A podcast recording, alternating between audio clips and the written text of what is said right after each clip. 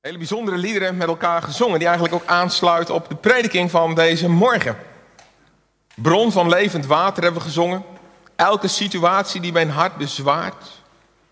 U bent de herder die mijn ziel geneest. We hebben net gezongen, als ik zwak ben, dan ben ik sterk. En dan vind ik het zo mooi dat in, in al die liederen, waar God ons eigenlijk uitnodigt en zegt, kom bij mij. Want ik wil je helpen, ik wil je troosten, ik wil je genezen, ik wil er voor je zijn. En dat die bron van levend water, dat die in ons inderdaad daardoor ook kan ontspringen. Maar heel vaak kan die niet ontspringen, omdat inderdaad heel veel zaken, die drukken ons vaak zo neer, dat we niet op kunnen staan en tot uiting komen waarvoor God ons heeft bedoeld. Ik wil vanmorgen met u gaan naar 1 Samuel 1 vanaf vers 4. Een heel bekend gedeelte uit de Bijbel. 1 Samuel 1 vanaf vers 4. Dat is het gedeelte waarin we spreken, waarin we lezen dat Elkana, hij had twee vrouwen. En hij gaat ieder jaar gaat hij met deze twee vrouwen gaat hij naar Silo, naar de tempel.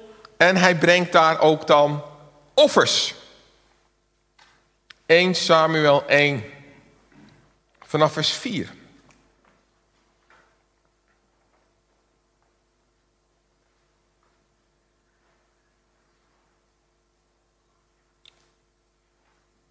En dan staat daar, wanneer vanaf vers 4, wanneer de dag kwam dat Elkana een offer bracht, gaf hij delen van het vlees aan Penina zijn vrouw en aan al haar zonen en haar dochters.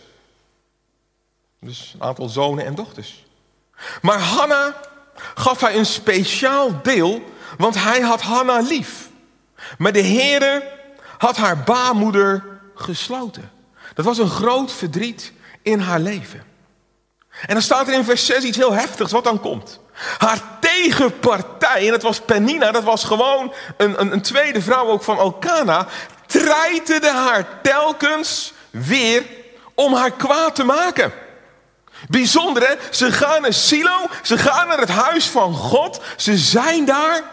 Maar Penina die treiterde haar telkens om haar kwaad te maken. Omdat de Heere haar baarmoeder toegesloten had. En zo ging het jaar op jaar. Jaar op jaar. Die vrouw die zag er al tegenaan als de tijd aanbrak. Ze moesten weer naar Silo. En dan dacht ze van, oh, dan gaat Penina, die gaat me weer treiteren. Die gaat me weer pesten om mijn diepste verdriet wat ik heb. Misschien heeft ze tegen elkaar gezegd, kunnen Penina niet thuis laten met haar kinderen?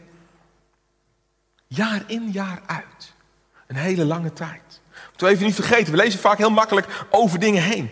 En dan staat er, en zo dikwijls als ze naar het huis van de Heer ging, treiterde zij haar zo en dan huilde zij en at niet.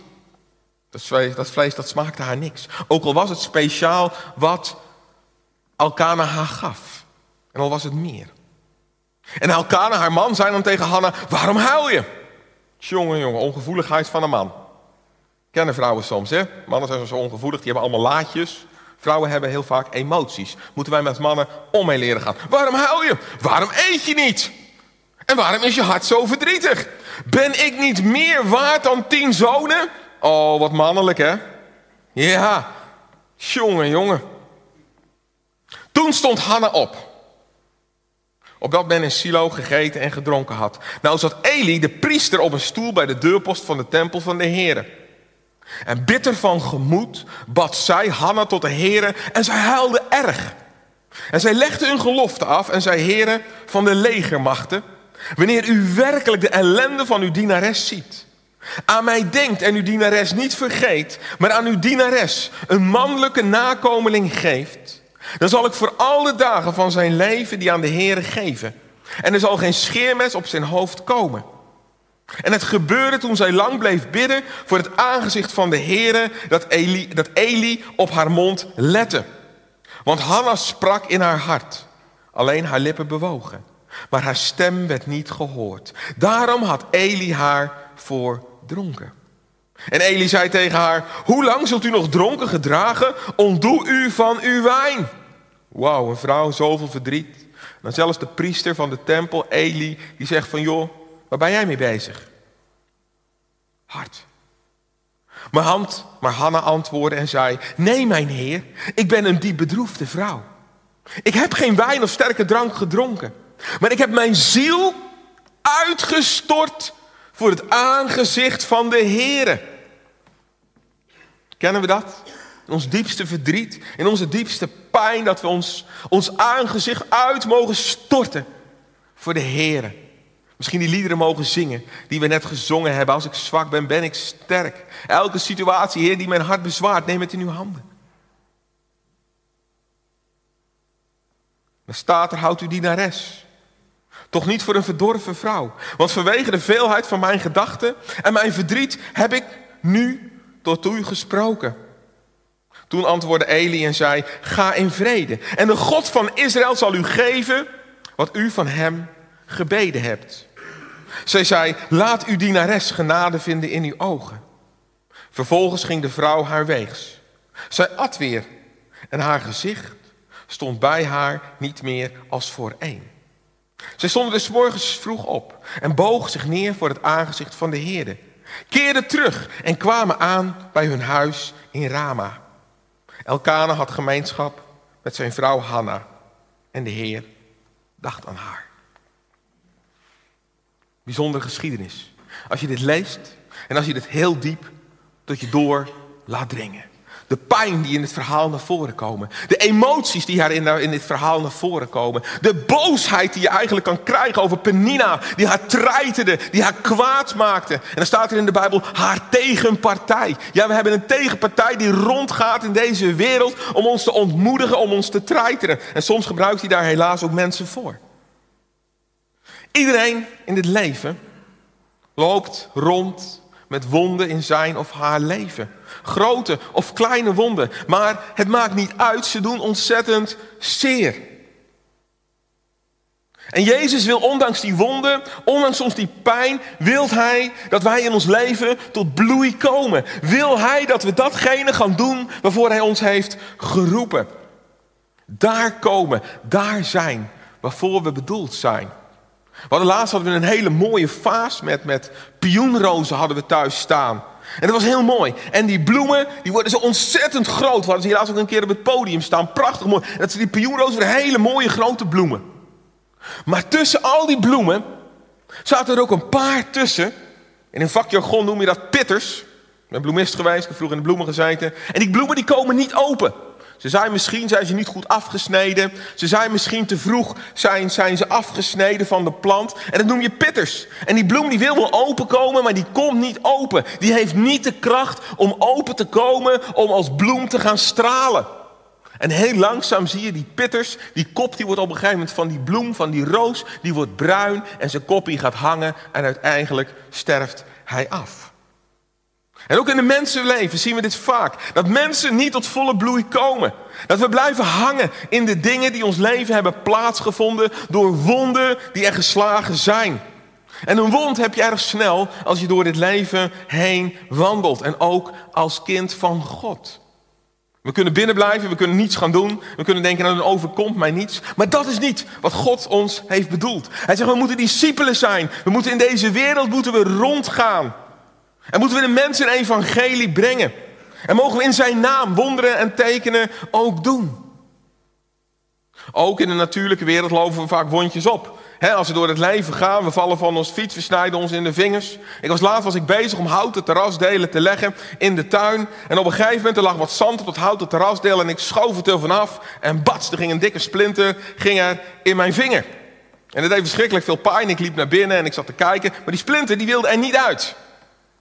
En nou ja, goed, ik had een beetje met koud water gedaan. Trudy zei van nou, je moet in de, in, in, in, de sop gaan zitten, in de waspoeder gaan zitten. En ik ging dagen in de waspoeder met die vinger en ik denk, nou dat lost vanzelf allemaal wel op. Het ging niet door. Het loste niet op. Wat wel mooi is, dat zo'n wond die begint te bloeden. Dus het vuil dat komt eruit. Als je je snijdt of je doet je vaak pijn, dan komt er bloed. En bloed is goed, want bloed dat geneest. Dat haalt het vuil weg. Het bloed van Jezus brengt redding, brengt genezing en brengt bevrijding. Dat is zo belangrijk. Maar ook gewoon in een wondje, het bloed maakt het dan weer schoon. En ook weten we, als we een wondje oplopen, je snijdt je in je vingers of je hebt een schaafwondje, je doet je pijn, dan weet je eigenlijk al na een paar dagen, dan komt er nieuw vel overheen. Het lichaam is altijd bezig met een genezende werking. Splinters wilt hij uitstoten, gaat het zweren, gaat het zeer doen. Het lichaam is bezig om te herstellen. En ik geloof, God wil ook dat wij in ons leven bezig zijn om ook geestelijk herstel van Hem te mogen ontvangen. Om te herstellen, om geen pitter te blijven die uiteindelijk het koppie laat hangen en doodgaat. Maar God wil dat we gaan herstellen in ons leven door alle pijn heen, opdat we tot bloei gaan komen.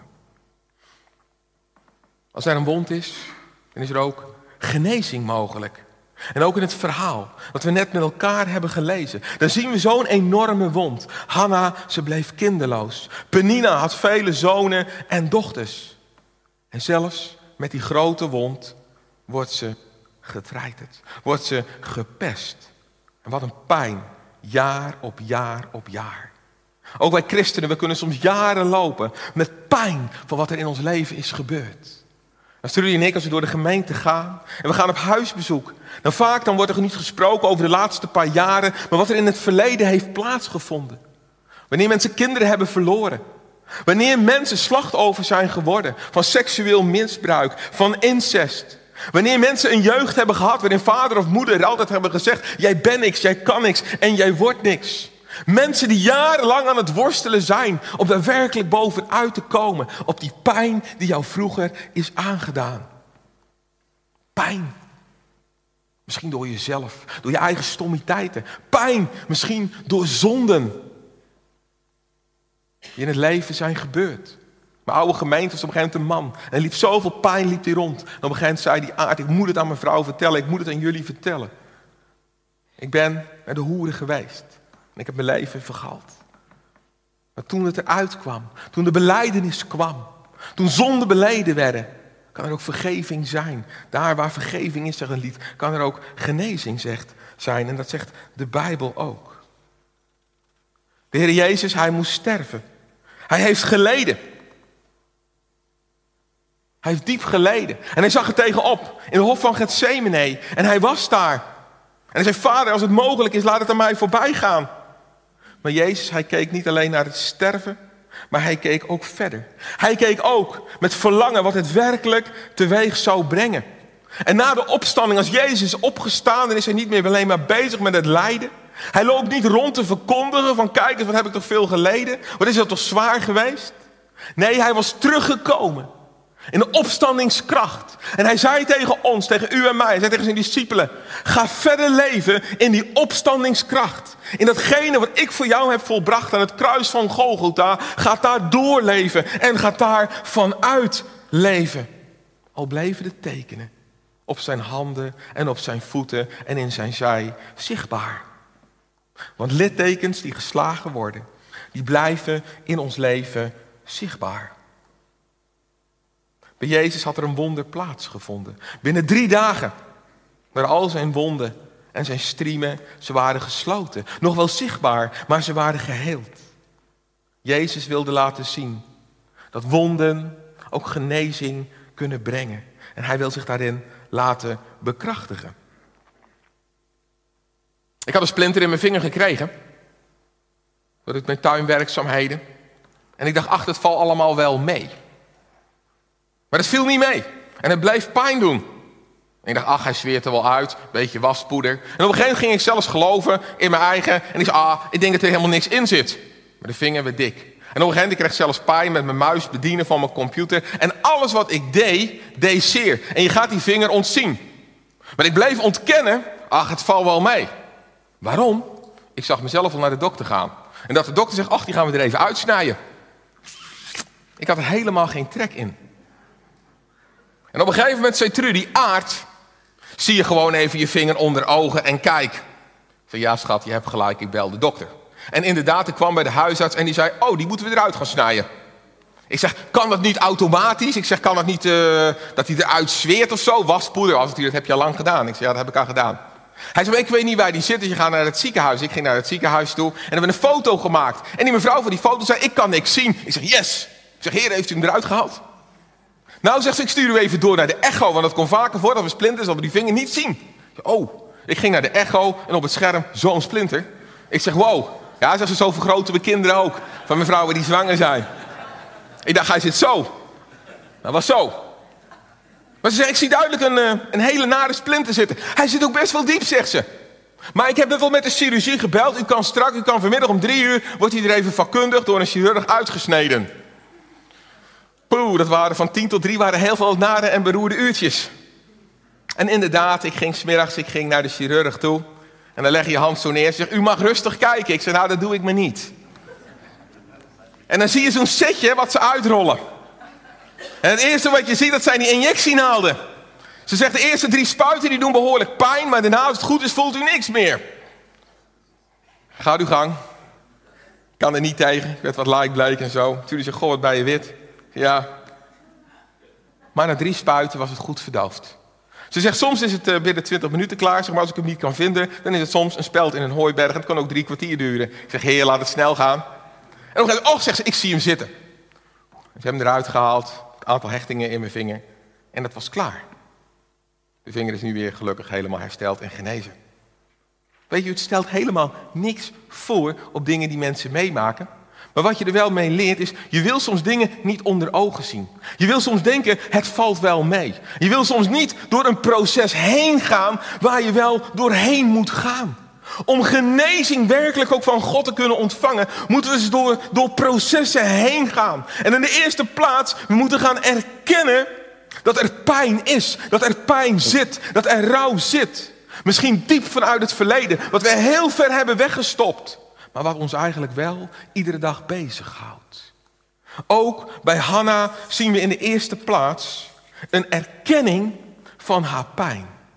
En ze huilt. Bitter van gemoed bad zij tot de Heer en zij huilde erg. Ik vind het zo mooi. Dat ik zoveel in de Bijbel lees dat er gehuild wordt. Laatst heb ik het gelezen over het verhaal van David. Dat ze huilden, dat ze geen kracht meer hadden. En soms is het dus goed om te huilen, om je hart uit te storten bij de Heer Jezus en voor zijn aangezicht. En zeggen, Heer, ik kan het niet zelf. Maar ook te erkennen, Heer, ik wil geen pitter blijven die nooit tot bloei komt. Heer, wilt u alstublieft mij een stuk genezing gaan schenken in mijn situatie? Dat ik heling mag ontvangen om tot zegen te zijn. Ook voor andere mensen die ook zoveel pijn hebben. We zijn vaak bang. Uit angst voor processen waar we door moeten. Voor de, de consequenties en de pijn. En soms moeten we naar professionele hulpverleners toe. En ja, en die gaan snijden in je. Ik was heel blij met een christen therapeut toen ik overspannen was. Dat hij mij de dingen onder ogen liet zien. En hij zei niet wat heeft die gedaan en wat heeft die gedaan en wat heeft die gedaan in jouw leven. Dat is vaak zo makkelijk. Ja, die, die, die, die. Hully, Sully, hun allemaal. Maar hij zei, Aard, wat kan jij doen om jouw herstel plaats te laten vinden? Je kan mensen de schuld gaan geven. Je kan kerken de schuld gaan geven. Je kan werkgevers de schuld gaan geven. Je kan je man of je vrouw de schuld gaan geven. Je kan ouders de schuld gaan geven. Ze gaan waarschijnlijk nooit veranderen. Maar wat doe jij? Wat doe jij? Om een veranderingsproces, om een helingsproces in je leven te laten plaatsvinden. Het eerste moment is belangrijk. Het toegeven. Dit doet pijn. Dit is mij werkelijk overkomen. Hier heb ik genezing voor nodig. Wat ik misschien niet zelf kan, maar wat misschien een proces in moet gaan. Hanna was diep in haar ziel geraakt. Ze was vruchteloos en Penina ze tergde haar aan mee. Mensen die kunnen zo zeggen, ach wat valt het mee, kijk eens wat ik heb veel meegemaakt, dat is toch veel erger. Maar ik zeg altijd, iedereen vindt zijn eigen pijn het langst. Het gaat er niet om het hardst. Het gaat er niet om wie heeft dat meegemaakt, allerlei levels. Nee, de pijn waar je eigen in je eigen leven mee zit. Hoe reken je daarmee af? Hoe vind je daar genezing over? En de eerste genezing is erkenning. Hanna huilde erg. Heel veel mensen sluiten zich af door de pijn. Ze verharden hun hart. Er is een muur om een hart gebouwd. Ze zeggen, oh, mij kan niks overkomen hoor. Poh, ben keihard geworden. Eén ding heb ik in het leven geleerd. Wordt nooit keihard. Want God wil dat we zacht worden. God wil juist door die zachtheid heen, zoals Hij ook is, door die liefde heen, wil Hij gaan werken. Genezing kan pas optreden als je eerlijk wordt tegen God en jezelf. En weet, ik moet breken, ik moet huilen, ik moet rouwen om een proces van herstel in te kunnen gaan. En als ze dan, als Hanna, voor het aangezicht van, God komt, dan doet ze een gelofte. En ze zegt, heren van de legermachten. Mooi hè, heren van de legermachten. Strijd in de hemelse gewesten om ons. Wanneer u werkelijk de ellende van uw dienares aanziet. En aan mij denkt en uw dienares niet vergeet. Maar aan uw dienares een mannelijke nakomeling geeft. Dan zal ik die voor al de dagen van zijn leven aan de Heer geven. Genezing gaat pas komen als ik alles overgeef aan God. Geven. God gaf zijn zoon aan ons om ons redding en genezing te laten ontvangen. Jezus gaf zichzelf om ons te genezen van de eeuwige dood. Hij gaf zichzelf eraan over. En Hanna deed een gelofte aan God. Als ze genezing zou ontvangen in de vorm van de zoon, dan zou ze hem aan God teruggeven. En hiermee zat ze in de lijn van de Vader, het die het beste weggaf om ons te kunnen genezen. De wond in haar leven gaf ze weg in de vorm van Samuel. En dan zou je zeggen, ja, ze was blij. Uiteindelijk waar ze om had gebeden, had ze gekregen. Ze had het ontvangen. Maar ze wist datgene waar God mij in heeft gezegend, wat ik van Hem heb gekregen. Ik heb een belofte gedaan. Mijn verdriet is God ingekomen. In mijn wonden is genezing gekomen. En ik geef het terug aan God. Zo diep, zo mooi. Dat God zijn enige geboren zoon in deze wereld heeft laten komen. Om ons in de diepste pijnen op het stavel te verlossen en van te redden. Wil je niet alleen ontvangen, maar als je die genezing van God mag ontvangen, dat je die ook gaat geven. Ook aan anderen gaat doorgeven. Dat er herstel is in de Heer Jezus Christus. Ja, dat je soms door lange trajecten heen moet gaan. Sommige mensen, er wordt voor gebeden en het is klaar. En anderen die moeten inderdaad door trajecten heen gaan van herstel. En wat fijn als je dan christenmensen om je heen hebt staan die je daardoor heen kunnen helpen. Want dat is soms nodig. Wil je echt van je wonden af? Het is erkennen. Het is rouwen. En de volgende stap is ook dat je gaat vergeven en dat je je wonden laat reinigen. Elke wond in je leven vraagt vergeving. Of je het nou zelf hebt aangedaan door bijvoorbeeld zonde, of dat er een wond in je leven is die door een ander is aangedaan. Eerst moet er vergeving zijn. Ik heb eens een periode in mijn andere gemeente met een man geworsteld. Wat zijn vader en moeder hem hadden aangenaam, was te gruwelijk om onder woorden te brengen. En om een avond, hij kwam opnieuw naar voren en hij was vaak naar voren gekomen. En op een gegeven moment, hij schreeuwde het uit. Heer, vergeef mijn vader en moeder. En hij brak. En we hebben samen gehuild voor het aangezicht van God. En misschien heeft die man wel een half uur gehuild. Maar God ging hem vernieuwen. Vanaf dat moment kwam er een verandering in zijn leven. Vanaf dat moment was hij geen pitter meer die zijn kopje liet hangen en eigenlijk ten dode was opgeschreven. Vanaf dat moment kon hij zachtjes voor zachtjes, ging de knop, ging open. En is hij voor vele mensen tot zegen geweest. En ook zei hij van ja, ik kan het niet. Vergeven gebeurt vaak in stappen. Vaak eerst een periode van pijn, van afwijzing, van onterechte beschuldiging, woede, boosheid. De tweede stap, wat mij allemaal is aangedaan, zal ik nooit kunnen vergeven. Het is te erg. En in het proces, een derde stap, ik kan niet vergeven. Ik ben nog zo boos, zo verdrietig. Een vierde stap waarin je steeds wat milder wordt. Ik zou wel willen vergeven, maar ik kan het niet. Een stap. Ik wil gaan proberen te vergeven. En daarna een stap. Ik neem een wilsbesluit om te gaan vergeven. Het is een wilsbesluit wat we in ons leven soms moeten nemen, hoe moeilijk het ook is.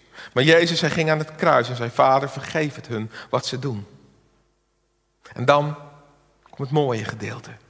Ik heb vergeven. En misschien heb je gewoon eerst vergeven. Niet eens met je hart, maar gewoon omdat de Bijbel het zegt. Maar dan komt er een moment dat je kan zeggen, ik heb vergeven met heel mijn hart.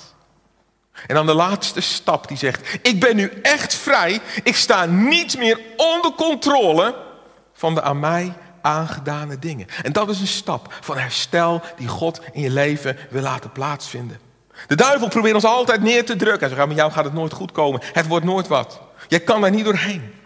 Maar als je echt vrij bent en je staat niet meer onder de controle van de dingen die jou in het leven zijn aangedaan, dan sta je vrij in het koninkrijk van God. En dan heb je de werkelijke genezing heb je ontvangen.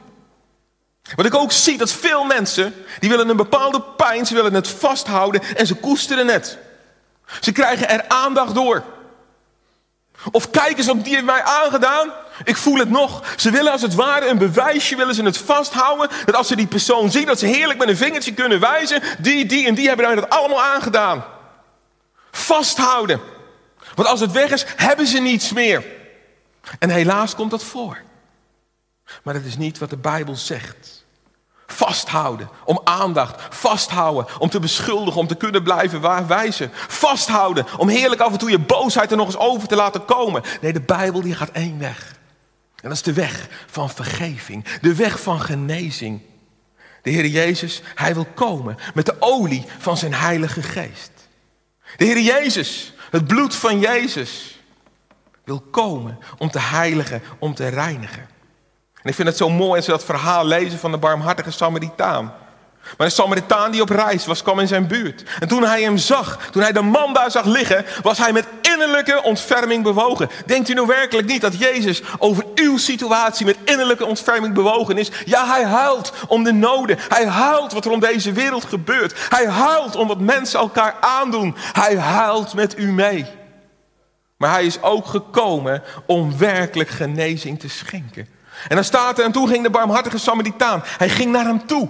Hij verbond zijn wonden en goot er olie en wijn op. Nou, dat heeft echt even pijn gedaan hoor, die alcohol. Dat kan ik u vertellen. Als je, er, als je wijn in een wond giet, dan brandt dat. Maar het moest even gaan branden. Het moest even schoon gaan worden. En ja, genezing en heling, dat doet pijn als je door het proces heen gaat. Je kan het blijven ontkennen, maar het is geen optie. En dan staat er, hij goot er olie en wijn op. Wijn, het symbool van het bloed van Jezus. Het heiligt en reinigt. Het reinigt je wond. En olie, het symbool van de Heilige Geest. Die troost en die geneest. En de Heilige Geest die leugens wil verbreken in de naam van Jezus. Toen hij de volgende dag.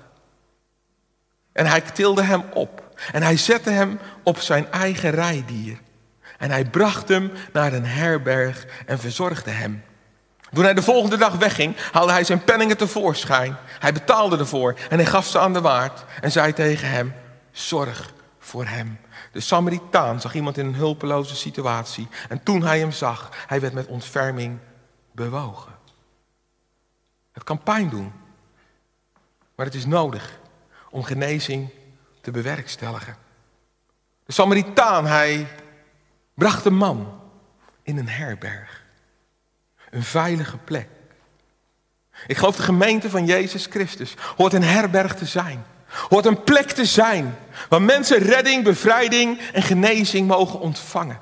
Hoort een plek te zijn waar de Heer Jezus zelf met zijn heilige geest wil komen om zijn olie te gieten in de wonden die er zijn geslagen. Zoals Jezus ons heeft vergeven. Zo wil Hij dat wij vergeven. Ook al kan je het niet, ook al is het moeilijk, ook al doet het zo pijn. Maar uiteindelijk is dat de sleutel naar werkelijke vrijheid. Is dat de sleutel om werkelijk vrij te worden en niet meer onder situaties te staan. Soms mensen zeggen, ja, ik sta ermee op en ik sta en ga ermee naar bed. Wat mensen me hebben aangedaan. En voortdurend staan ze onder een juk. Voortdurend leven ze niet in de vrijheid. Voortdurend leven ze in die boosheid, in die frustratie en in die pijn. En ze hebben hun hele leven onder controle. Hun kopje gaat hangen en ze sterven af.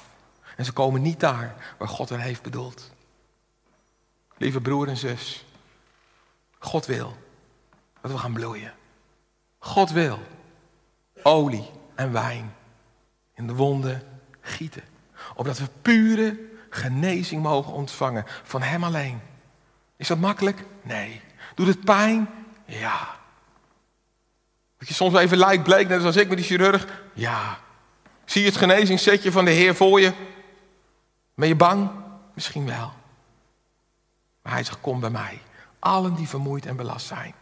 Ik wil je rust gaan geven. Ik wil je gaan herstellen. Ik wil je genezing gaan geven. Amen.